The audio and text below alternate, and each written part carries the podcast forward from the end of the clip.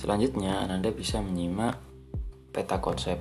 Meski sederhana, namun bisa dilihat rincian materi yang akan Anda pelajari. Jadi materi secara umum yang kita akan belajar tentang menceritakan kembali isi cerita imajinasi. Namun secara spesifik dibagi menjadi dua yakni menceritakan kembali isi cerita imajinasi secara tertulis dan menceritakan kembali isi cerita imajinasi secara lisan.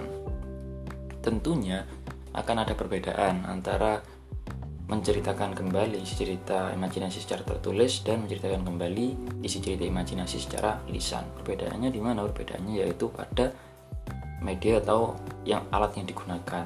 Kalau secara tertulis umumnya kan kita menggunakan alat tulis, pena atau buku. Tapi kalau secara lisan kita menggunakan alat ucap atau alat, lisan gitu ya. Nah, hal-hal yang akan diperhatikan atau hal-hal yang perlu diperhatikan dalam menyajikan atau menceritakan kembali si cerita imajinasinya tentulah berbeda. Gitu. Apa saja perbedaannya? Untuk lebih jelasnya, simak materi selanjutnya.